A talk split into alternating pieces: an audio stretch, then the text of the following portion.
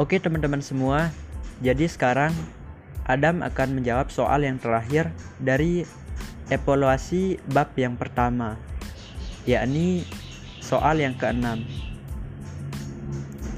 Sebutkan dan jelaskan prinsip-prinsip pokok yang akan menjadi pembangun struktur atau kerangka ekonomi Islam. Jadi, prinsip-prinsip ekonomi Islam yang merupakan bangunan ekonomi Islam itu didasarkan atas lima nilai yakni nilai yang pertama adalah tauhid dengan keimanan. Jadi dengan keimanan seorang itu dengan keimanan yang kita miliki. Insya Allah itu merupakan e, dasar untuk membangun ekonomi Islam. Yang kedua ada adil yaitu keadilan dengan keadilan juga. Insya Allah kita pasti akan sama-sama memakmurkan ekonomi Islam.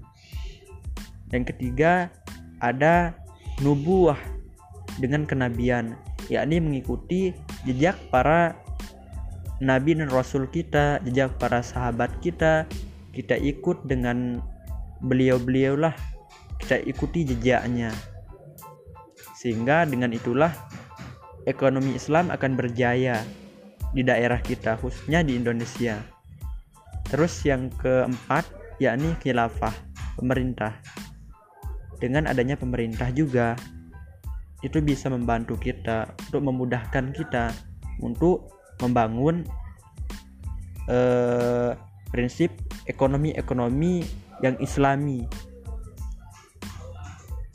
Selanjutnya yang terakhir yang kelima yakni ma'at. Hasil. Nah setelah tercakupnya semua dasar atas lima nilai tersebut jadi kita bisa melihat hasil. Yang insya Allah dengan hasilnya kalau ini bisa ter kita aplikasikan dalam kehidupan kita khususnya di Indonesia Insya Allah ekonomi Islam akan bangun kembali dan berjaya lagi. Seperti pada masanya Rasulullah Shallallahu Alaihi Wasallam. Seperti itu teman-teman.